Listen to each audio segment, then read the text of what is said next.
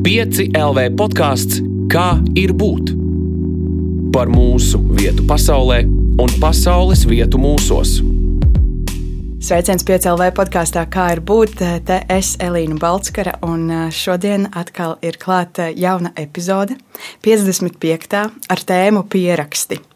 Angliski runājošajā pasaulē pēdējos gados aizvien populārāks kļūst termins uh, journaling, kas tādā tiešā tulkojumā varbūt būtu žurnāla rakstīšana, dienas grāmatas pildīšana, un uh, gan jau, ka daudzi bērnībā ir kaut kur aiz atslēdziņas vai zem gultas slēpuši savu dienas grāmatu ar tā brīža lielākajiem pārdzīvojumiem un noslēpumiem. Un dienas grāmatas rakstīšana, ikdienas piezīmju veikšana var kļūt par tādu zīmīgu un arī rituālu darbību, kas gan praktiski veids sadzīves arhivēšanu, gan arī mūsu visdziļāko pārdzīvojumu, terapiju un sakārtošanu.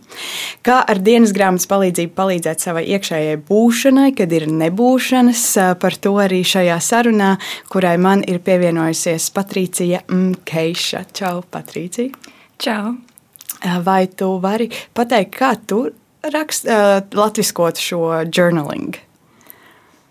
Mm, man šķiet interesanti, ka tu saki piezīmes, jo es no sākuma domāju, ka mēs runāsim par dienas grāmatām, un tad, es, uh, kamēr es klausījos tavā ievadā, domāju, nu, kāda ir atšķirība starp dienas grāmatu un piezīmēm. Mm, es domāju, nu, pirmkārt, latviskot šo journaling, man šķiet, uh, tas ir tā ir dienas grāmata, tāpēc, ka Journal ir no žūra, kas ir franciska diena, respektīvi, paša sākne ir tas, ka tu it kā raksti katru dienu. Un man savā ziņā tas ir tas, kāpēc es sevi kādu laiku neidentificēju kā cilvēku, kurš raksta dienas grāmatu, jo šķiet, nu, tas ir jādara kārtīgi katru dienu. Un, ja tu tā kā izkrīti no tā, tad, nu, tad jau tu tur tikai kaut ko tāpat viena. Bet pēdējā laikā es tieši esmu domājis par to, ka ir ļoti, ka ir principā divi dažādi veidi, kā to darīt. Viens ir šis te, kur tu tiešām katru dienu tādā varbūt tehniskā veidā pieraksti notikumus. Es esmu lasījusi arī par to, ka ir šīs metodes kaut kādas, kur tu sistematizē to katru dienu, to atzīmē. Piemēram, vai tu tur meditēji, vai tu kaut ko darīji, tu to iezīmē tādā kvadrātiņā. Tas ir tāds pilnīgs sistēma, kā tu uh, savā ziņā taisi savu iekšējo arhīvu par savu dzīvi. Un tad otrs veids ir vairāk šīs nestruktūrētās domas un sajūtas un tam līdzīgi, kas drīzāk ir tas veids, kā es tam pieeju kur eh, tas nav obligāti katru dienu, bet tas ir tad, kad vajag. Jā. Jo es jautāju par to vārdu. Protams, ka dienas grāmata ir eh, loģiskākais, bet eh, mēs arī gatavojoties ar komandu šai sarunai, domājām, ka nu, dienas grāmata tas, tomēr, nu, tas ir lietvārds, bet tas neiekļauj nu, to darīšanu. Mums nav tāds dienas grāmatošana. Jā. Un tāpēc mēs meklējām kaut ko tādu, jā, kā, kā raksturot to darbību vienā vārdā. Mm, taisnība, tā, tā ir grūtība. Bet kā tu saskati to, ko maina tas, ka vai mums ir eh, lietvārds, vai mums ir eh, kaut kādas darbības kaut kāds procesa vārds? Es domāju, ka tas vienkārši var palīdzēt kaut kādā veidā konkrētāk arī um, izstāstīt to darbību. Mm -hmm. Tas droši vien ir visvairāk par to. Bet galvenais, man liekas, šajā sarunā vismaz, ka mēs varam ieskicēt šīs darbības, to dažādo Jā. dabu, un to mēs arī mēģināsim darīt. Pastāsti, ko tu raksti? Es nu, pirmkārt es rakstu dienas grāmatu. Tā. Uh, tas nozīmē, dažreiz es uh, mēģinu tiešām vienkārši pierakstīt to, ko esmu darījusi katrā dienā. Uh, It īpaši tādos periodos, kad man varbūt uh, sāk likties, ka laiks slīd man caur rokām, es vispār nesaprotu, ar ko tad savā dzīvē nodarbojos, tad es uh, esmu diezgan metodiski pierakstījusi to, uh, tur, ar ko es satikos, kā es pavadīju savu laiku. Um, bet arī tādā pieejā man tajā vienmēr iezogas refleksija, sajūtas un tam līdzīgi. Tas ir kaut kādā ziņā man iekšā notiek visu laiku kaut kāds stāsts par sevi. Tas, kā es interpretēju sevi un savu apkārtējo pasauli un cilvēkus, un, uh, lai to labāk saprastu, es to lieku uz papīra. Taču vienlaikus tas, par ko es arī esmu aizdomājusies, ir, ka kaut kādā ziņā it kā valoda palīdz saprast, es to ietērpu vārdos, teikumos, un tad man ir skaidrāks, kas man ir iekšā. No otras puses, tas, kas man ir iekšā, visu laiku notiek tādos mākonīšos, kas paralēli pārklājas viens otram pāri un tam līdzīgi. Savukārt valoda piespiež to ielikt tādā nu, tādā lineārā, kaut kādā narratīvā. Tas nevar viss notikt vienlaicīgi. Nevar vienlaicīgi vārdiski teikt vairākas lietas. Tu vari tikai teikt to, ko tajā brīdī saki. Un, um, un tas man šķiet, jā, par ko esmu aizdomājies, ir kādā veidā pierakstīšana palīdz sev saprast, bet kādā veidā tā arī ierobežo sevi kaut kādā rāmī, kaut kādā stāstā. Tas ir interesanti, jā, jo tas, ko tu saki, tā ir pavisam tiesa. Tu valodā savā ziņā tiešām ierobežo to savu domu, jo ir taču arī lietas, kuras ir ļoti grūti izteikt vārdos, vai ne? Jā. Un tā kā tā rakstīšana savā ziņā ir treniņš sevi pateikt, jo tu it kā sev pasaki sev, bet ja tu atrod tos īstos vārdus, tad varbūt arī labāk var sev pateikt citiem un tādā veidā saprasties. No otras puses, tas vienmēr man šeit nozīmēs reducēt. Man ir arī bijis tā, ka es kaut ko tādu sarakstu par sevi, tur pierakstu, un tad es paskatos, un, bet nu, labi, nav jau īsti tā. Un es varētu vēl turpināt kā, precizēt, nu, kā tur ir. Un tad uh, daži tie dienas grāmatas ieraksti, tad, kad tiešām ir daudz par ko domāt, ir tik nenormāli gāri. Un, un, un beigās vispār vairs, vairs pat nav skaidrs, kas tad īsti ir noticis. Jā. Cik ilgi tu to dari? Vai tu to darīsi kopš bērnības, vai tas mm. jau ir tāds bijis apzināta ļoti vecuma lēmums? Patiesībā Nu, bērnībā man noteikti arī ir bijušas te, šīs kladītes, ko es pat nezinu, vai tādas vairs var nopirkt, bet tās ir tām atslēdziņā. un tas likās tik ārprātīgi kaut kā tā forši. Man liekas, tas ir kaut kas svarīgs varbūt tādā. Tad, kad tev sāk veidoties tā, tā identitāte un privātums, un tas ir objekts, kas apzīmē to, es te kļūstu par cilvēku, un ir lietas, ko neviens par mani nezina, un tās notiek manī iekšā. Bet, nu, realitātē tas, kas tur ir tas, ko es tur rakstīju, bija nu, kaut kādas simpātijas pret kaut kādiem zēniem, kaut kāda draudzības strīdi. Un tas tiešām man liekas tādā sākuma skolas, varbūt nedaudz pamatskolas laikā. Um, un tad vēlāk es sāku rakstīt uh, blogu. Gan, gan bija tāds blogspot, gan arī es kaut ko mēģināju rakstīt draugiem, punkcēlā dienas grāmatās. Un tas ir interesanti, jo tad it kā tā ir dienas grāmata, bet vienlaikus to var kāds izlasīt. Un es pat vienlaikus gribu, lai kāds to izlasa, jo es to rakstu publiski. Uh, Um, tur kaut kāda tāda saspēle par to, kas ir tā mana auditorija, un vienlaikus nu, tās ir manas pašas refleksijas man pašai, bet arī nedaudz citiem. Nu, jā, un tad šobrīd es uh, rakstu savus, savus dienas grāmatas blociņos, kurus es nevienam nedodu lasīt. Um, bet vienlaikus es arī uh, rakstu rakstus, publicistiku, prózu, tur uh, tas veids, kā es pieeju rakstīšanai, uh, es nevaru iedomāties īsti, kādā veidā tas, ko es rakstu, varētu neizrietēt no manas ikdienas pieredzes. Tas varbūt ir tiešāk vai netiešāk, bet man šķiet, tas veids, kā cilvēks var saprast pasauli, ir tikai caur sevi. Jo tas ir pats tiešākais, pats tāds patiesākais, kas man vispār ir, es pati. Un tad caur to, kas ar mani notiek, es varu izdomāt, kas, kas ir kaut kas tāds tajā patiesībā konkrētībā universāls un, un mēģināt to pastāstīt citiem un pajautāt kaut kādā ziņā, vai jums arī tā ir, vai pateikt, ja tev arī tā ir, tad tas ir ok. Um, kaut kā tā. Kāda ir tā saikne starp uh, dienas grāmatas, privātas dienas grāmatas rakstīšanu un to, ko tu raksti? Nu, prozas darbu, ko iespējams lasīs vēl kāds, vai tas savstarpēji kaut kā miedarbojas, vai tās ir divas ļoti nodalītas lietas? Mm, man tas noteikti savstarpēji miedarbojas bet tur absolūti ir gan kaut kāds neapzināts, gan apzināts filtrs par to, cik tad es esmu gatava atklāt pilnīgi publiski kaut kādam nezināmam lasītājam, un cik es kā, varu būt atklāta ar sevi, kad it kā ir tā doma, ka neviens to nelasīs. No otras puses, esmu dzirdējusi tādu ideju, ka nu, dienas grāmata pats, pati kā formāts ietver to, ka kāds to varētu kādreiz izlasīt. Nu, tas ir kā tā ir tā uzreiz patiesībā pat doma, ka ir tā slepenā dienas grāmata. Viņa ir slepena no visiem, bet nekas jau neaizliedz to, ka kāds viņu var atrast, atvērt un paskatīties. Un tādā ziņā tāpēc man tieši tik ļoti patīk dienas grāmata kā žanrs, jo tas arī kā literārs žanrs, piemēram, nesen iznākusi Jānis Zauziņas grāmata Mājoklis. Es arī nesen sāku lasīt portugāļu rakstnieku Fernando Pessoas uh, The Book of Disquiet, un arī tā ir dienas grāmata. Un iemesls, kāpēc man šis žanrs piesaista, ir tas, ka tas šķietami sniedz kaut kādu pašu tādu tuvāko pieju citam cilvēkam, pat ja cilvēks ir izdomāts. Um, it kā tā ir viņa, viņa attiecības ar sevi, un tas savā ziņā palīdz atbildēt uz šo jautājumu, kā ir būt citam, kas man šķiet nu, man vismaz noteikti, man šķiet, ka katram ir bijis tāds mirklis, ka tu saproti, visi cilvēki tev apkārt dzīvo savu dzīvi, viņiem ir tikpat detalizēta, tikpat sarežģīta, ar visu kaut ko pilna iekšējā pasaulē, bet tu nekad nevarēsi tai piekļūt. Vienkārši tu nekad ne, nezināsi, kā ir būt iekšā šajā cilvēkā.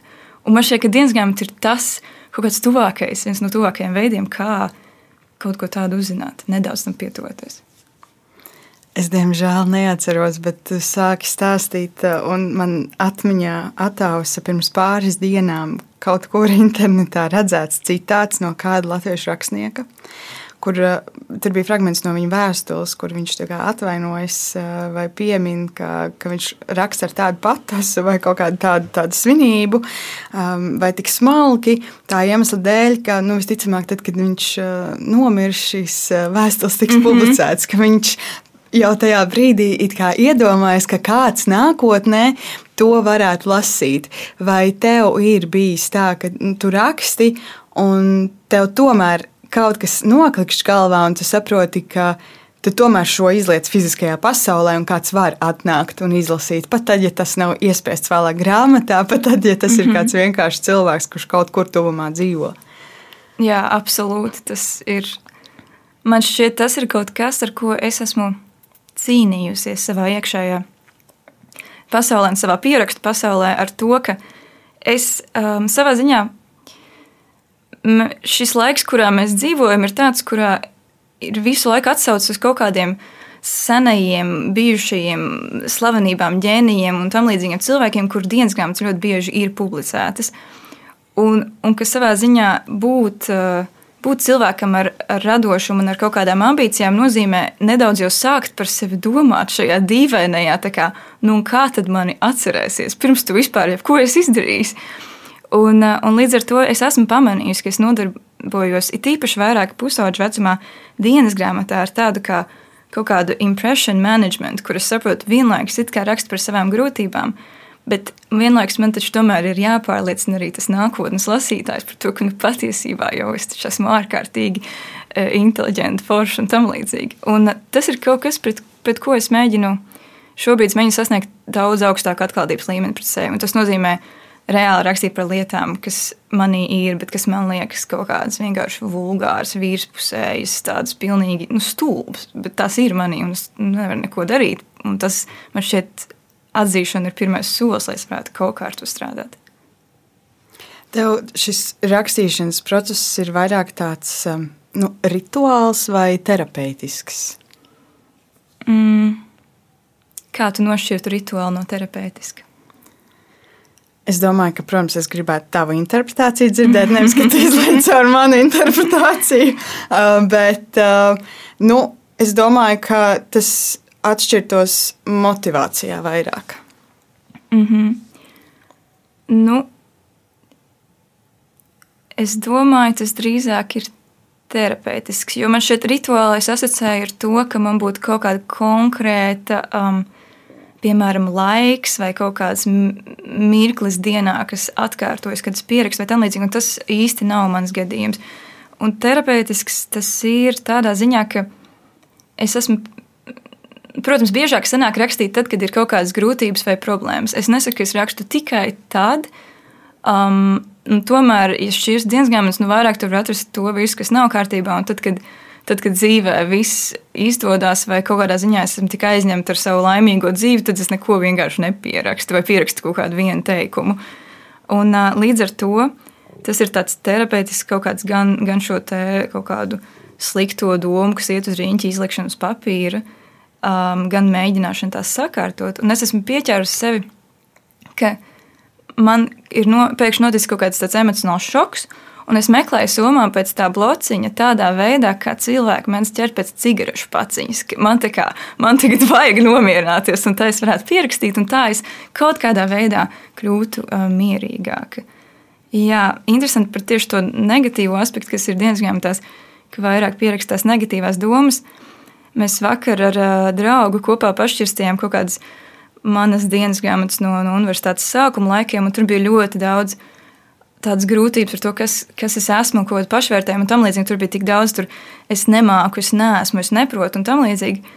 viņš to paskatījās un teica, bet ja šo dienas grāmatu ārprātīgi depresīvo paņemtu un visu negatīvo pārvērstu uz pozitīvu izteiksmi, tad izklausītos pēc motivācijas vēstules. Un es domāju, kā patiesībā šie ir tieši tie pretējie žanri. Tā dienas grāmata, kur tu atklāji visu to, nu, kā, cik tev iekšā ir sūdīgi, cik ļoti tu nu, vispār nesaproti, ko tu dari.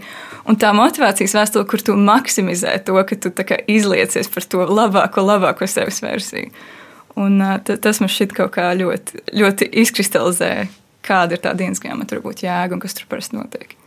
Es tagad iedomājos to nākotnes lasītāju, kurš lasa Patricijas eh, dienas grāmatu un uh, būvēt kā to dzīvi, ja, kā tu teici, mm. kā raksti, un tā dzīve jau tur parādās. Un, uh, principā, redz to tumšāko daļu kaut kādā veidā pretstatā tam. Mēs vēlāk parunāsim arī par eh, sociālajiem tīkliem un kā tie varbūt kļuvuši par mūsu dienas grāmatām. Un bieži vien saka, ka sociālie tīkli ir tā mūsu labākā dzīves mm -hmm. daļa, ko mēs parādām. Tā mēs izveidojam priekšstatu par cilvēku, bet tad, kur ir dienas grāmata, ko varbūt kādreiz kāds izlases, mm -hmm. kur patiesībā ir pilnīgs pretstats arī apgriezts ar kājām gaisā. Tu minēji, ka tu kaut ko šķirstīji un pārlasīji, vai tu pārlasi regulāri savus pierakstus, vai arī tas ir kaut kas tāds, ko tu dari tikai izņēmumu gadījumos? Mm. Es to nedaru regulāri. Man ir tāda kaste mājās, kur stāv visi man, man pierakstu blociņi no dažādiem laikiem. Um, dažreiz tādos, kad es mēģinu labāk saprast, kas tad es esmu, ko es vispār esmu darījis dzīvē, tad es mēdzu viņus pāršķirstīt. Bet tur ir tāda kaut kāda man vajag to distanci. Piemēram, es tikko esmu nesen pabeigusi blociņu, es vienkārši viņam neskaršos klāt. Man kā, kaut kādā ziņā ir tāda nepatika pret to, to, ko es tur varētu atrast, un, un kaut kā tā. Bet tad, kad ir pagājuši pāris gadi, tad jau es tā skatos, un tā, nu kā es tur. Kādas manī šaubas vēl zinu, ir tās pašas, kas tomēr ir mainījies, un, un kā es savā ziņā man jāsaka, ka um, es, varbūt, es varbūt neesmu tāda ļoti optimistiska, bet mans kopējā sajūta par dzīvi ir, ka tā iet uz augšu, un es jūtos ar vien labāk, esot pašai sev. Un, uh, un to var forši nedaudz arī pamanīties dienas grāmatās. Un ko tu tur meklē, tad, kad tu lasi? Um, kas, es meklēju, kas mani uztrauca, kas mani nodarbināja. Un tas ir gan kaut kādas faktuālas lietas, gan tas ir cilvēki, ko es satikos, kaut kādas nodarbes, gan arī tieši tās ie, ie, iekšēji kaut kādi dēmoni, kaut kādas mokas un uh, tam līdzīgi. Bet es domāju, ka es esmu zaudējusi ar to, ka agrāk es, nu, es nespēju būt tik atklāta pret sevi. Es pat pati sev nespēju ne tikai pierakstot, bet arī iekšēji atzīt, kā, kas ir tas, kas man patiesībā nodarbina. Un, tāpēc man šķiet, nu jā, ka tā pierakstu kvalitāte arī ir augusi, ka tur tiešām spēja vārdos nosaukt kaut kādas emocijas, ka patiesībā man no kurām būtu agrāk bijis kauns, piemēram. Varbūt tu vari pastāstīt kādu piemēru, kad tev tava dienas grāmata ir palīdzējusi tikt galā vai, vai vienkārši saprasties ar savām sāpēm? Mm. Man šķiet grūti izdomāt tādu tieši piemēru. Nu, tās vienmēr ir kaut kādas situācijas, nu, teiksim, kāds cilvēks, piemēram, romantiskā kontekstā, man ir kaut ko um, pateicis tādu, kas man ir eh, sāpinājis vai tam līdzīgi. Un tad es tā veicu tādu priekšstos to analīzi, kuras vienlaikus izlieku tās visas dusmas, vilšanos, sāpes un tam līdzīgi, bet arī mēģinu saprast, um, varbūt pat analītiski, nu, respektīvi, ja atkāpjos no šīs situācijas, tad nu, vai tad ir tā, ka tā man ir taisnība, vai tam cilvēkam ir taisnība, kaut kādu veidu tādu, tādu, kas galu galā nerezultējas nekādā konkrētā secinājumā, bet it kā tas vienkārši izklāst to situāciju no dažādiem aspektiem un pat pa punktiem raksturu. Nu, tas, kā viņš teica, šito, nu tā, tas, tā kā, ja es konsultētu kādu draugu šajā situācijā, es viņai teiktu, ka viņš ir idiots. Un, uh, un tad es tā kā saprotu, jā, jā, bet tad es arī sev tā varu pateikt, un, un, un tas man nomierina nedaudz. Kaut kā tā. Tā ir tāda sava veida distancēšanās no savas dzīves, vai mm -hmm. ne? Paskatīšanās no malas. Jā. Um, tu jau minēji, un, un tā ir, ka dienas grāmatas var arī lasīt. Ir viens lasīt savu, bet ir arī lasīt uh, citas. Un kas tad ir varbūt tās mazāk vai vairāk zināmu cilvēku dienas grāmatas, kas tev ir bijušas nozīmīgas tavā dzīvē? Es noteikti neesmu patiesībā dienas grāmatas lasījusi pietiekami. Man ir, um, Bet katru reizi, kad es kaut kam uzduros, kaut kādam dienasgrāmatas ierakstam, kurš kaut kur ir publicēts, nu, teiksim, tur kāds ir lasījis, nezinu, Annas Frankas dienasgrāmatu un kā ir nopublicējis kaut kādu ierakstu no turienes, man pārņem tāds kaut kāds liels uh, siltums, jo kaut kādā ziņā tas apstiprina gan, ka visiem cilvēkiem iet grūti, gan ka nu, tā var kaut kā izķepoties pat visgrūtākajās situācijās. Un tas, tas ir, man liekas, tas galvenais, ko es no tā paņemu, es arī nesen palasīju uh, Rāņa dienas grāmatas, ir tieši saistē pieejams. Un, un tā kā Rainis raksta, ka viņš, nu, viņš vienkārši viņš mokās, viņš nevar saprast, ko dzīvē darīt. Viņš jūtas, jūtas pilnīgi nemākulīgs. Un es to lasu, es domāju, pats, bet, nu, nu, bet tas taču ir pilnīgi normāli tādā gadījumā. Kāpēc es tā sevi vēl sodu par to, ka es mokos? Visi mokās, arī Rainis mocījās. Un, uh, un tad pēc tam atkal saprast, ka šie cilvēki tomēr dzīvē ir ir visu kaut ko foršu izdarījuši un galvenokārt arī atraduši sevī kaut kādu spēku un mieru. Un, un, tas ir tas, jā, man šķiet, ir īpaši tas lielo mākslinieku, rakstnieku, tam līdzīgas dienas grāmatas. Savā ziņā sniedz to nevis to rezultātu, kas ir viņu darbs, bet to procesu, kas ir bijis tik, tik patiesībā bieži vien nedrošs. Un tas darbs beigās tāds, nu jā, Rainis, bet, bet kā, ko viņš, nu jā, viņam Viņš arī nebija pārliecināts par šo. Tāda lielo cilvēku cilvēciskošana. Jā, absolūti. Kā tev liekas, kāpēc vispār rakstība mums, cilvēkiem, cilvēcei, ir svarīga? Rakstīšana kā tāda.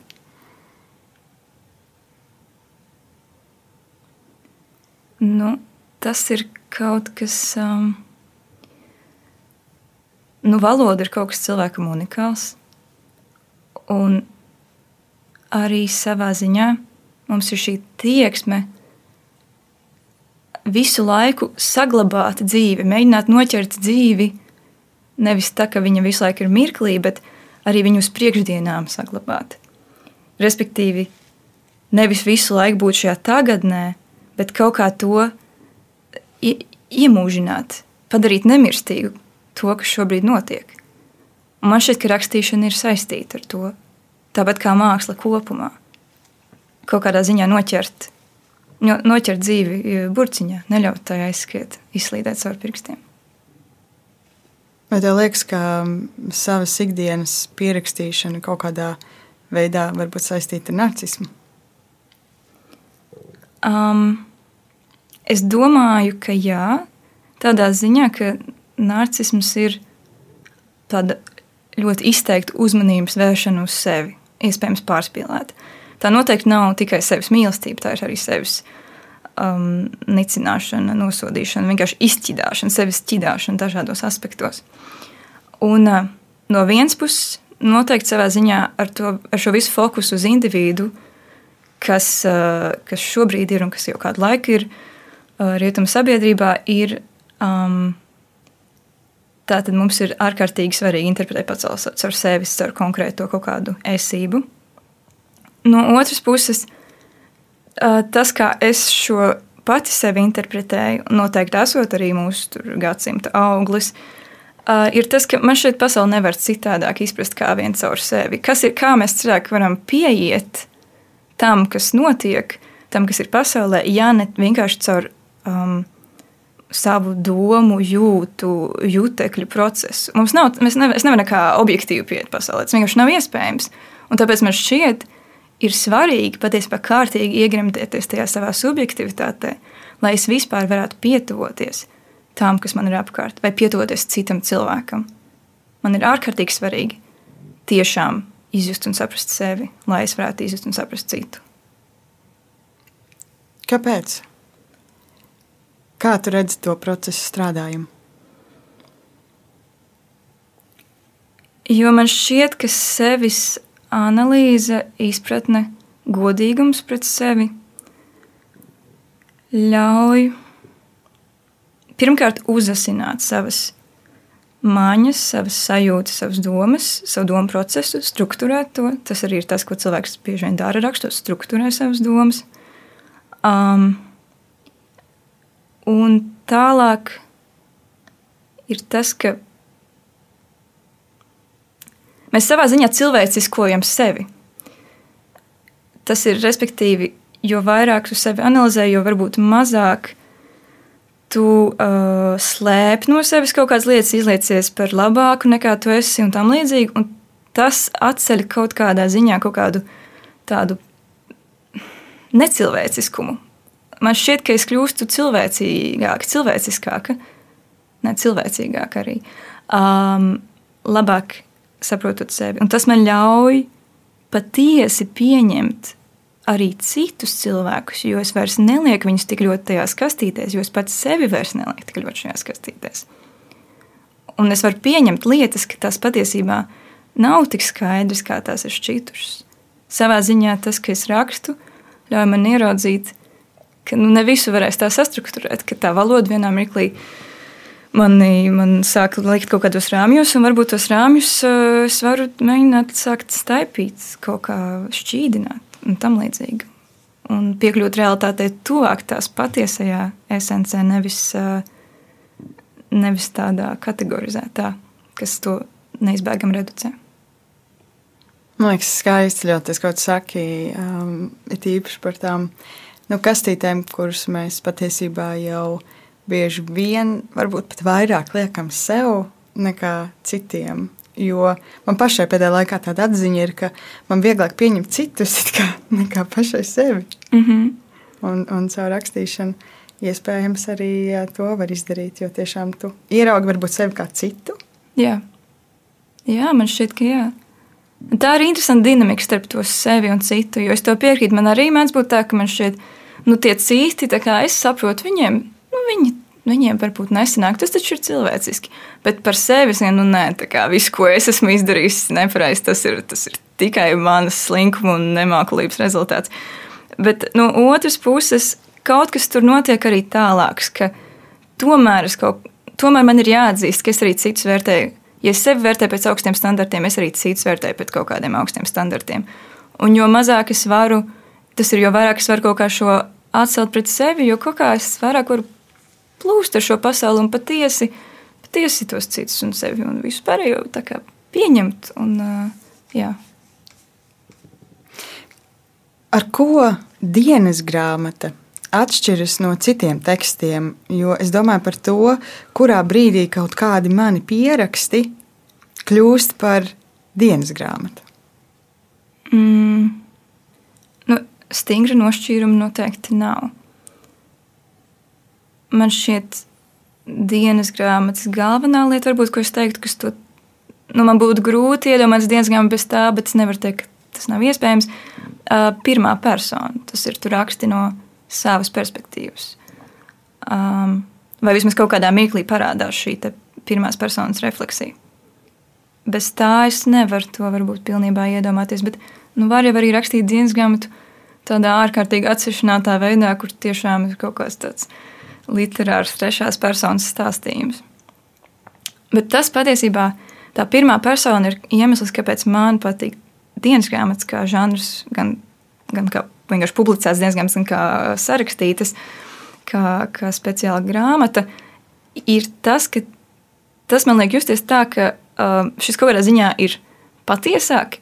Jo citādāk manī literatūra ir tāds aizdoms, kas ir šis stāstītājs, kāpēc viņš tā kā kaut ko tur nu, reiz dzīvoja tas un tas, jā, tur, kā viņš to zina, kā, kā, kāda ir viņa loma šajā. Vai es varu viņam uzticēties, viņš stāsta tā, kā bija, vai viņš vienkārši kaut ko tur interpretē, un es to nenojaušu.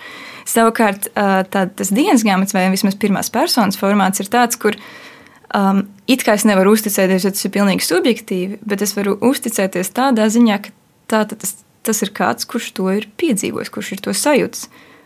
Pat ja tas ir pilnīgi subjektīvi, bet tā ir īsta subjektivitāte. Un tādā ziņā es tai uzticos vairāk stāstīt man par kaut ko. Arī tad, ja tā ir pilnīgi fikcija? Jā, It īpaši, ja tā ir dienas grāmata, kas ir fikcija, man šķiet, jo tas tad, um, tad man ir sajūta, ka man ir tuvākas attiecības ar šo tēlu. It īpaši, nu, tā kā tad viņš it kā raksta sev. Tātad es vislabāk varu iepazīt šī tēla psihi, psiholoģiju, kas, kas viņš tāds ir, vismaz pats priekš sevis. Un, uh, un, protams, ka tas ierobežo, jo tā tad es nezinu, neko, kas notiek ārpus. Bet kaut kādā ziņā tā ir tāda ļoti intīma sasaiste. Es uzreiz vienkārši par fikciju iedomājos. Domāju, daudz klausītāju arī zinās pagājušā gada mūsu literatūras vienu no lielajiem pārsteigumiem. Daudziem Andra Kalnozo mm -hmm. kalendārs man sauc, kas arī ir dienas grāmata, vai ne? Bet yeah. nu, fikcija pēc būtības. Tas nozīmē, ka tev, piemēram, lasot kalendāru piedzīvojumu, kā dienas grāmatas formā, ir būtu vieglāk ar to tā sakonektēties nekā tad, ja šis stāsts būtu izstāstīts eh, citā formātā. Nu, man šķiet, tas sniedz kaut kādu unikālu ieskatu uh, cita iekšējā pasaulē. Un tas ir jautājums, kas man daudz nodarbina. Kā, kā ir būt citam? Un man šķiet, ka tas cits var par sevi to pastāstīt labāk nekā kaut kāds trešās personas uh, stāstītājs. Ir uh, vēl viena vieta, kurā mēs eh, šobrīd daudz rakstām savu dienas grāmatu. Man patīk, ka tu atgādināji, es biju pilnīgi aizmirsusi par to, ka portālā draugiem.clv bija sadaļa, kas mm -hmm. tieši tā arī saucās - dienas grāmata. Es biju pilnīgi par to aizmirsusi. Eh, vai tev šķiet, ka un kā sociālie tīkli ir ietekmējuši cilvēku paradumu pierakstīt ikdienu? Mm. Man būtu grūti pateikt, vai tas ir vairāk vai mazāk, jo es patiesībā nezinu, kāda. Nu, es neesmu dzīvojusi pasaulē īsti eh, pirms sociālajiem tīkliem. Sociālās tīklus sāk izmantot tad, kad tie parādījās, man tad, nu, nezinu, cik bija gadi, kādi astoņi varbūt. Uh, taču es domāju, ka tas ir kaut kas ārkārtīgi interesants, ka uh, cilvēki tad daudz dalās savās pārdomās, kas ir, protams, viņu tiešās pieredzes iespējos, kas principā ir dienas grāmata. Vienlaikus, kur gan vēl cilvēki vairāk nodarbojas ar šo impression management, kur viņi veido savu tēlu, ja ne sociālajos tīklos. Un, man šķiet saistoši tajā sakarā, ka mēs iepriekš pieminējām to, vai tas ir pozitīvs vai negatīvs pieredzes, un tu teici, ka sociālai tīkli ir tas tā, tā tavs dzīves labā puse. Taču man šķiet, ka ir arī tas, ka it kā labā puse, bet mūsu paudzē man šeit jau ir tipiskāk tas, ka tu nedaudz tur iemet arī to, to depresīvo, un tas tevi padara tādu cilvēciskāku, un tā jau arī ir. Bet arī tas ir kaut kādā ziņā pakļauts kaut kādam iespējam par tevi. Jo tu esi, tu esi depresīvs, bet tu esi tāds uh, intelektuāli depresīvs, vai absurdi depresīvs, vai kaut kā tas ir smieklīgi, ka tu esi depresīvs. Un, um, un es nezinu īsti, ko tas manas bailes par šo sociālo tīklu lietu ir tas, ko tas nodara nu, kādā mērā es jau iekšēji sāku sevi uzskatīt par to, par ko es izliekos. Kādā veidā es pazūdu pat tajā savā publiskajā sociālā tīkla tēlā, un vairs nezinu, kas tad ir tas, ko es tur rakstu, un tas tā ir tikai publiskām acīm, un kas tad ir patiesībā manī iekšā, kā mans kodols, mana patiesība. Jā, jo droši vien ļoti atšķirtos, ja tev ir jāuzraksta, piemēram, tvīts par to, kā tu jūties. Tu mm -hmm. apzināti tātad veido to, kā tu gribi, lai citi Jā. domā, ka tu jūties. Jā. Nekā tas, ja tu tiešām vienkārši paņem un, un uzrakstīji mm -hmm. to nevienam neredzot. Jo savā ziņā jau arī sociālā tīkla saturs ir, nu, tas kļūst par produktu. Pat ja tu to nepārdod, bet tas savā ziņā ir nu, tu īpaši rakstot, piemēram, tvītu, tu sako kaut kādiem neapzinātiem mārketinga principiem, jo tu gribi, lai tas ir kaut kā, kaut kā tā kā cilvēki var ar to identificēties, varbūt ir nedaudz tā asprātīgi, smieklīgi un tam līdzīgi, un tad tu tā kā pārvērt savas, savas emocijas un pārdzīvot to tādā la, labi sagramojumā saturā. Un, uh, un tas ir interesanti, bet es nesaku, ka tas ir absolūti slikti, um, bet man šeit mēs nenojaušam, ko tas īsti nozīmē. Bet vai es tagad domāju, vai mēs varam tiešām, piemēram, saukt to mūsu sociālo tīklu aktivitāti par dienas grāmatu, jo vienalga, vai tas ir Twitter, Facebook vai Instagram, mēs fiksējam savu ikdienu, savas pārdomas, bet tā tad apzināti zinot, ka mm -hmm. kāds to lasīs, vai tur varbūt iztrūks tā būtiskā nu, patiesuma komponente. Varbūt tad mums nemaz to nevajag saukt par mūsdienu dienas grāmatu, piemēram. Mm. Nu, es, piemēram, zinu cilvēkus, kuriem ir, um, ir publiskais Instagram, un tad ir tas kaut kāds privātais, kur ir, ir tikai, tikai draugiem. Tad viņi tur liek kaut ko tādu ļoti, it kā dienas grāmatīgu, bet vienlaikus viņiem tāpat vajag, lai kāds to izlasa. Tas nav, nu, kā, tas nav privāti, tas nav Instagram, kuram neviens neseko. Tas ir tas, kuram seko daži. Un man šķiet, tas varbūt pats ar to jautājumu, kādā mērā. Ja kādā mērā dienas grāmatā ir nozīmīgi, ka tas tomēr ir domāts tikai tev, pat ja, tu, pat ja to kādreiz publicēs, bet tas ir, tas ir tavas attiecības ar tevi. Nevis caur vēl kādu, kurš varbūt to nolaikos vai, vai kaut kā citādi uz to reaģēs. No otras puses, tas ir brīnišķīga iespēja um, savā ziņā nu, saprasties ar cilvēkiem un, un, un tā kā. Tu arī tā jūties, es arī tā jūtos, un, un tas palīdz veidot kaut kādas saiknes. Un varbūt vairāk nekā ikdienas komunikācijas sarunās, tāpēc ka um, gan vizuālais saturs, gan teksts uh, palīdz nedaudz ieturēt to distanci, vai iepauzēt, lai pateiktu precīzāk to, kā tu jūties. Nekā tu man tagad pēkšņi sitienu to jautājumu, es tev nevaru pateikt tik uh, patiesībā precīzi, kā es to varētu pierakstīt. Jā, un es vēl iedomājos par to, ka varbūt visā tajā kontekstā, kurā mēs šobrīd dzīvojam, tas ir arī nu, tāds veids, kā vienkārši pateikt kādam, kā es jūtos. Es patiesībā vienkārši gribu, ka kāds zina, kā es jūtos un kas man ir svarīgs. Varbūt tā saruna ikdienā iztrūkst. Un tas ir tāds veids, jo es vienmēr pat eh, nezinu citu um, kaut kādu rakstu vai cita satura pārpublicēšanu. Es to kaut kādā veidā varētu salīdzināt ar avīzes izgriezumu kādreiz, ko es mm -hmm. nosūtīju tev vēstulē. Apsties kādu rakstu, es izlasīju, man tas ir svarīgi, man Jā. tas ir saistoši, un es vienkārši gribu, lai tu to redzi. Mm -hmm. Es varbūt vienkārši gribu atklāt savas emocijas. Jā. Man šķiet, uh, absolūti tā ir tā, tā ir tā pozitīvā puse, vai tas potenciāls, kas tam ir, ka mēs visu laiku varam, varam jā, dalīties savos avīžu izgriezumos ļoti ļoti ātri tajā pašā mirklī, kad mēs kaut kā jūtamies. Un, un gal galā tas ir svarīgi, lai citi zina un pieņem, un, un, un mēs varam parunāties par to, kā mēs jūtamies. Bet kas tad tev liekas tas pats varbūt bīstamākais tajā? Tu minēji to um, kaut kādā veidā attālināšanos no tās mm -hmm. patiesās esences, vai tu redzi vēl kaut kādu draudu tajā, ka mēs uh, savu ikdienas praksi, kas, es domāju, kādreiz bija aktuālāka, ka tu apsēdies pats un pierakstīji, jo nebija mm -hmm. sociālā tīkla. Es tā pieņemu, šis nav faktos bāzēts, bāzēts eh, izteikums. Um, jā, ka mēs to esam nomainījuši pret eh, šādu formātu. Mm. Tas draudz, ko tas rada man personīgi, kā cilvēkam, kurš uh, raksta, arī radošā nozīmē, ir tas, ka man ir ārkārtīgi grūti uh, izšķirt, kas tad ir tas, kas, kas, kura mana doma vai sajūta kļūs par uh, tvītu, un kura mana doma varētu arī kļūt par, par rakstu, un kādā ziņā es varu nošķirt šo te, um, sociālo tīklu realitāti no dienas grāmatas, no radošās darbības, jo vi, tas viss nozīmē kaut ko uzrakstīt. Un kāda tad gal galā ir tā atšķirība? Un man šķiet, ka sociālajie tīkli sniedz ļoti ātru uh, gandarījuma sajūta par to, ka tu esi sadzirdēts, kas savā ziņā atņem varbūt tās agrākās mākslinieka kaut kādas mūkus un ruminēšanu, kur tu kaut ko tur raksti, raksti, raksti viens pats savā istabā un jau vienkārši jūties tā, ka tu pilnībā iegājies savā pasaulītē, un tad tu no turienes iznīrsti ar kaut ko, ko tu esi uzrakstījis.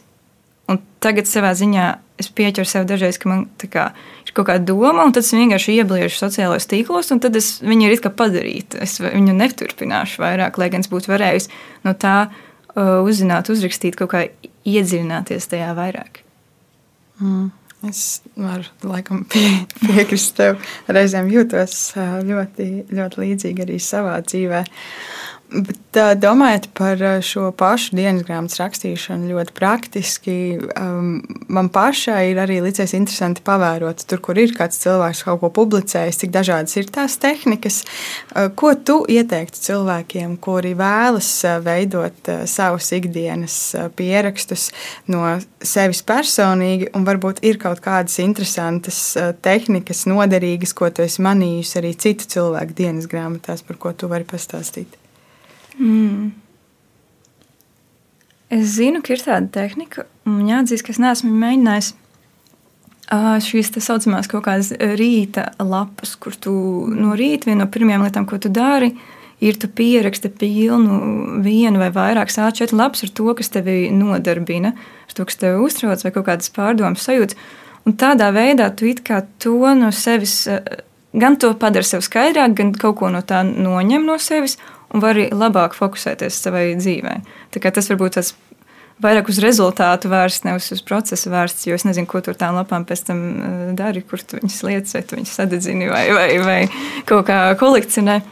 Man liekas, eh, man liekas, nē, bet eh, tā ir Julija Kamerona, kurā ir aprakstījusi šo. Ja nu kāds mm -hmm. klausītājs grib par rīta lapām, tad var meklēt Juliju Kameronu. Jā, jā, paldies. Um, un, un tā, man šķiet, padoms tādā ziņā, ka vienkārši mēģināt atrast to, kas, kas tev ir vajadzīgs. Jā, tas ir diemžēl tik vienkārši un banāli, varbūt ir cilvēkam patīk tā struktūra, un tad ir tiešām ļoti daudz tehnikas, kur tu katru dienu atbildi no pašiem jautājumiem vai tam līdzīgi. Um, bet uh, man, man vienkārši galvā notiek jau kaut, kāds, kaut kādi vārdi, kaut kāds narratīvs, un man savā ziņā dažreiz, ja mēs runājam par pierakstiem, tad es tiešām pierakstu to, kas manī jau ir. Es nevis kā, interpretēju un rakstu, bet manī jau ir kaut kāds vārdu muskulis, un tad es viņu izrakstu ārā no sevis. Jā, kaut kā tā. Es iedomājos, es esmu redzējis arī tādu um, tehniku, ka tu saliec, sataisi kubiņus katrai dienai, tādu mazu kvadrātiņu. Mm -hmm. Un tad tu izdomā, piemēram, nezinu, sešas krāsas. Katra krāsa nozīmē kaut ko citu. Mm -hmm. Un tad tu iekrāso katras dienas beigās, kā tas jūties. Nu, katrs, katra krāsa nozīmē kaut kādu sajūtu. Un tad, piemēram, gada beigās ieraugi to savu dzīvi tajā gadā, kā tādu mm -hmm. krāsu gamu. Un Jā. es domāju, tu arī saukt par dienas grāmatu. Um. Es tieši to nesen redzēju, un kā gad, gads beidzās un sākās, un cilvēki bija kaut ko šādu, kaut ko šādu dalījušies. Un, jā, man šķiet, tas ir ļoti Man liekas, tas ir ļoti tāds, tas rada lielu gandarījumu gadu beigās redzēt šādu krāsainu apskatu par to, kā tu esi jūties. Es to apsvēru un sapratu, ka man patiesībā ir grūti šādā veidā atbildēt par to, kā es jūtos, jo es jūtos tik dažādi un arī viens dienas ietveros, ka tādu vienu kaut kādu iekrāsot man, man sagādā reāls grūtības. Es sapratu, ka es ar to vairāk nomocīšos, nekā tas man palīdzēs. Bet man šeit tā, es to skaitītu arī par dienas grāmatu.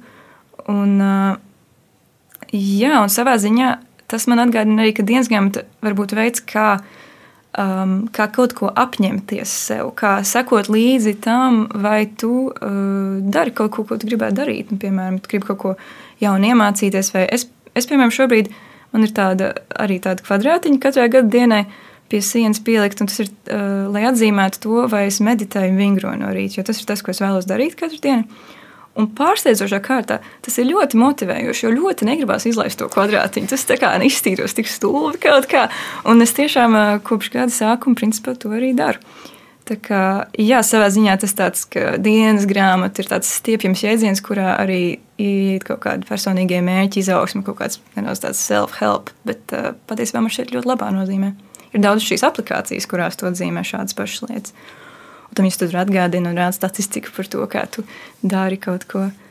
Um, no otras puses, par tām aplikācijām, cik es esmu novērojis, tas bieži vien uzstājas kaut ko tādu milzīgu, no kaut kā ļoti maza, nu, tādā ziņā, ka tu it kā tik ārprātīgi daudz domā par, uh, par to, ko tu iegūsi no tās aplikācijas. Viņi tev visu laiku sūta kaut kādas notifikācijas, un tur, respektīvi, tu pavadi vairāk laika izdomājot, kas no tā būs, nevis reāli iegūstot to, kas būs. Um, kaut kā tā es uh, esmu dažreiz novērojis arī par sevi, ka ir tās pirmās dienas, kad tu tur precīzi atzīmē, un tad vienā mirklī vienkārši apnīk tas sarežģītais process un aizmirst par to. Jā, beigās tas arī kļūst par kaut kādu, es negribētu teikt, pienākumu, bet tur ir kaut kāda tāda uzdevuma sajūta, bet tāda citāda uzdevuma, ne tāda mm, no sevis mm -hmm. autentiska, patiesa. Es darbošos savām emocijām, jā. bet man tagad ir pret aplikāciju pienākums. Jā, jā, jā, jā, jā. Neapturēt viņu. Vēl viena interesanta, es vienkārši gribu padalīties par tādu formātu, ko es esmu dzirdējusi par cilvēku, kurš vienalga tagad to gadskaitu arī precīzi nepateikšu, bet piemēram 30 gadus katru dienu pierakstīja trīs, viņam bija noteikums trīs teikumus. Mm. -hmm. Nav obligāti vairāk, bet galvenais trīs teikums. Tas tik maz, tas prasa Jā. ļoti maz laika. Jā. Un izklausās nieks. Mm. -hmm. Tad, kad tu saliec 30 gadus ar trīs teikumiem katru Jā. dienu, cik tas ir iespaidīgi. Tas ir. Bet vēl 30 gadi. Nu. Bet tikai trīs teikumi, nu, tu skaties uz 30 gadiem, liekas, nereāli. Mm. -hmm. Bet, ja skaties uz trīs teikumiem katru dienu, kas tas ir? Jā, Nē, es tā absolūti piekrītu. Jā, tu ne? kaut ko tādu domā mēģināt? Es vienā brīdī īstenībā darīju tā, es to sāku darīt pandēmijas sākuma posmā. Mm -hmm. Un man ir. Mēs to darījām telefonā, lai man mm -hmm. nebūtu tas spriedzes, ka man visu laiku jābūt tam. Mhm. Jā, Līdz ar reizēm liekas, ah, es nerakstīšu blociņā, tad tam nav jēgas. Un, Mhm, un tur sākas citas peripētīs. Bet jā, es, es pierakstīju neilgu laiku, gan jau pēc tam sāku rakstīt vairāk un dienas grāmatā. Un tad es saprotu, ka man nepatīk nošķirt tās divas lietas, bet uh, baigi interesanti ir paskatīties, jo tā ir tāda esence par tā brīža sajūtām. Mm -hmm. Un pat tad, ja tas notika kaut kādu mēnesi, iziet cauri tam mēnesim, man liekas, wow. Un es domāju, ja es to izdarītu kaut vai gadu ar tādiem mm -hmm. trīs teikumiem, tad tas būtu tik interesanti. Mm -hmm. Vienkārši atskatīties savu dzīvi, tiešām ļoti, ļoti interesanti. man šķiet, savā ziņā tas, tas uh, spēlējas ar to, ka mums ir tomēr tā sajūta, ka dzīve nu, paskrien garām. Nu, laiks it kā iet lēni, bet tu pasties, un pēkšņi pagājis gads.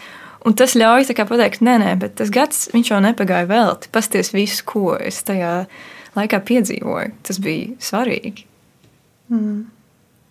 Kā tev liekas, nu, mēs jau runājām daudz par to, ka dienas grāmatā ir tā, nu, tā privātā vērtība, nu, ka tu strādā ar sevi un tā, un mēs runājam par to brīdi arī, kad šī dienas grāmata tiek iespējams varbūt publicēta vai kaut kā tā.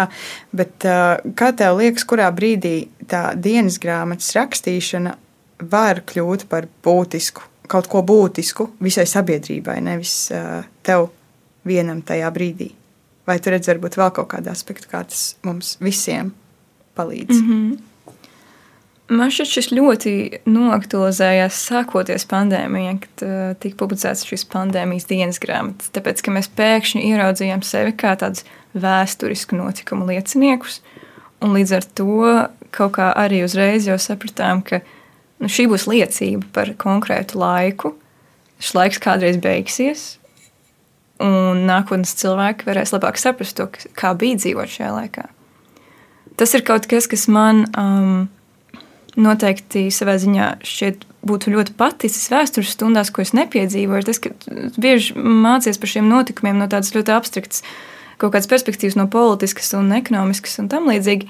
Bet kā tad bija dzīvot, kā bija būt cilvēkam tajā laikā, uh, kad bija pandēmija, kad bija karš un bija tam līdzīgi. Un tāpēc ir tik interesanti lasīt šo cilvēku dienas grāmatas, kuri vienlaikus dzīvo personīgo dzīvi, bet šo personīgo dzīvi gan visos tās aspektos ietekmē pandēmija, karš vai kaut kas tāds.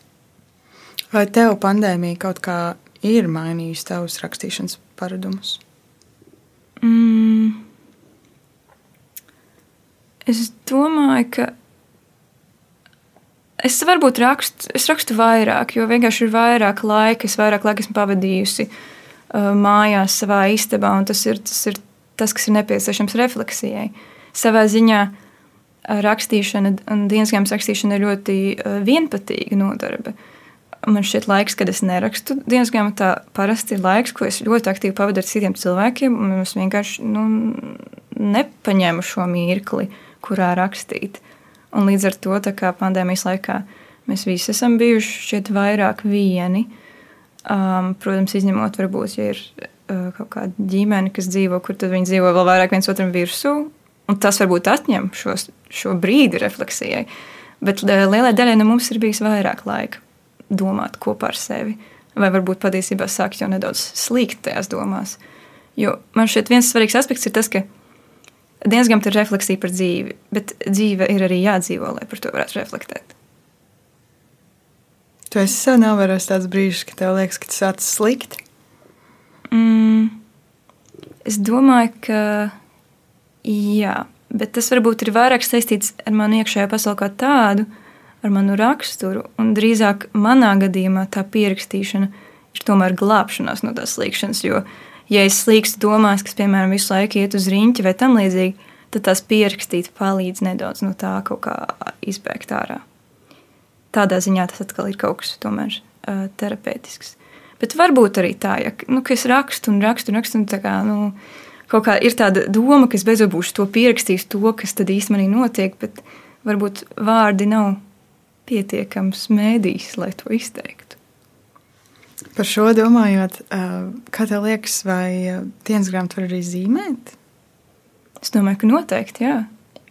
Es ratu reizi, bet esmu arī kaut ko uh, uzzīmējis, kaut, kā, jā, kaut kādu tēlu, kas, uh, kas ir bijis svarīgs. Tāpēc man šķiet, varbūt jā, tas padoms, ko es varētu dot cilvēkiem, kas grib kaut kādā veidā uzturēt dienas grāmatu, ir būt pilnībā atvērtiem jebkādam mēdījam. Man šķiet, dienas grāmata varbūt arī varbūt arī balss ieraksts, ja cilvēkam labāk patīk runāt. Um, vai, vai kaut kāda cita veida um, mākslas kaut kāda izpausme.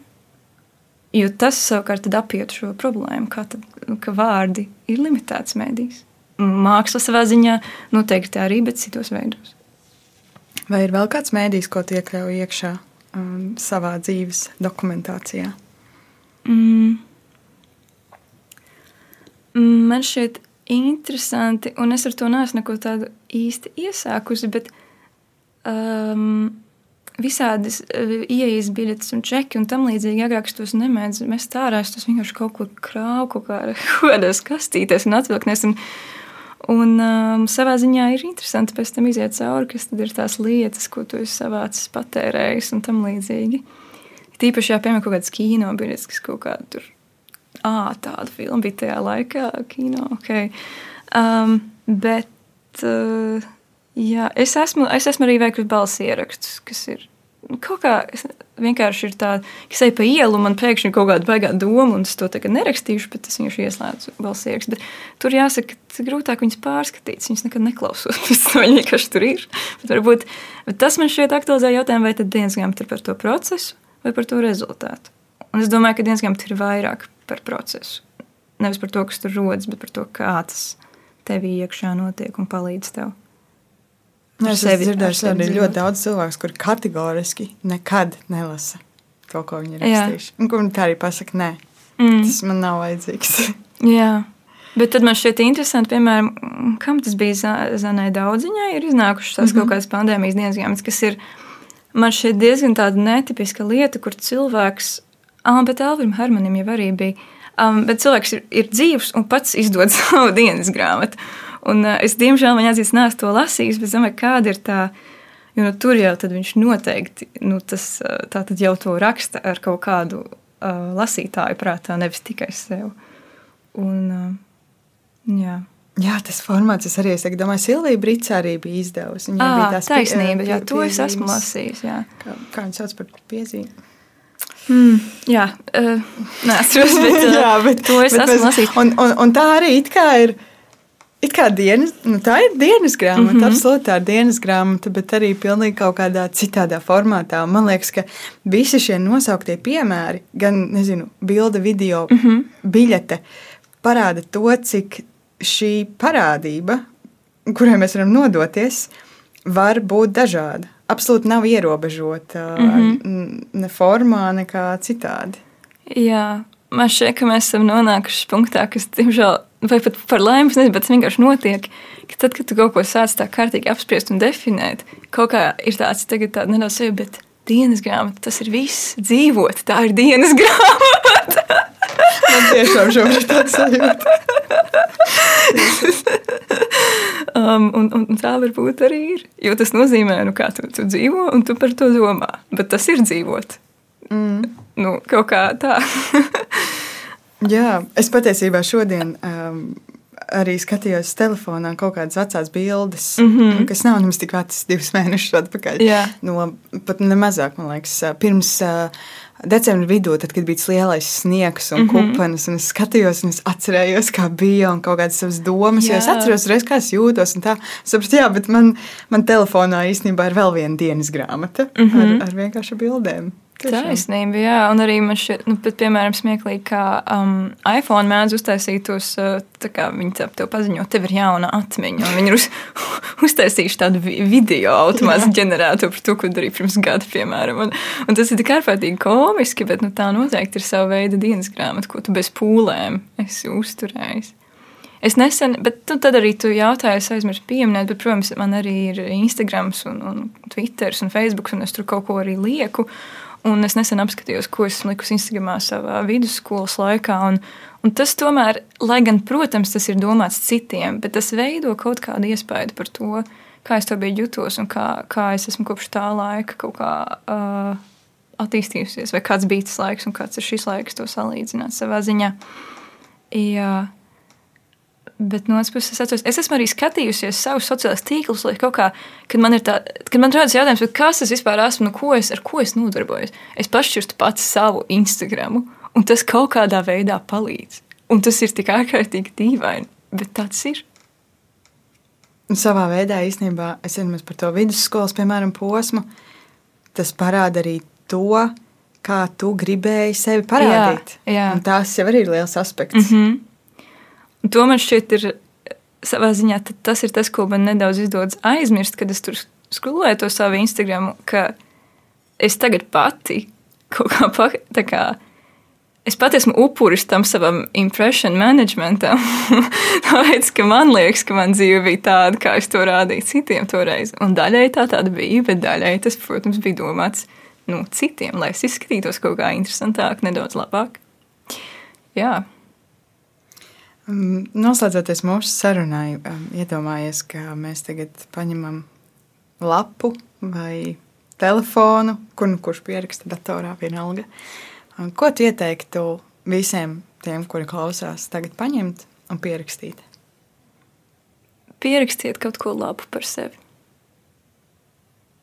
Un kaut ko, kur, ko jūs tiešām varat pateikt. Tas, tas man ir labs, tas man labi izdevās. Tad es labi jūtos. Vēl droši vien ir arī labi paskatīties uz to, vai ne? Mm, jā. Uz to labo. Um, Paldies, uh, paldies Patricija, ka tu atnāci. Paldies, ka tu dalījies. Um, Es domāju, šī atziņa, ka dienas grāmata ir viss, būs tā atziņa, ar kuru es noslēgšu šo sarunu. Es nezinu, kas būs tavs uh, tā saucamais teikavējs, uh, ko tu paņemsi līdzi no šīs sarunas. Mm. Man laikam vienkārši tā jāpiekrīt, ka, ka savā ziņā tas man liek ieraudzīt dienas grāmatu kā vairāk tādu kā dzīvesveidu, kā attieksmi pret dzīvi un mazāk piesiet kaut kādam konkrētam formātam vai mēdījam. Tas vienkārši nozīmē piedzīvot šo pasauli un tad paskatīties uz to, kas ir piedzīvots. Un tā arī uz priekšu. Tad tā arī darīsim. Paldies, tev, Patricija. Paldies arī tev, ka tu klausījies. Um, Mēs tiksimies nākamajā nedēļā jaunā epizodē ar jaunu stāstu, bet pagaidām es tev teikšu atā. Paldies! Tā.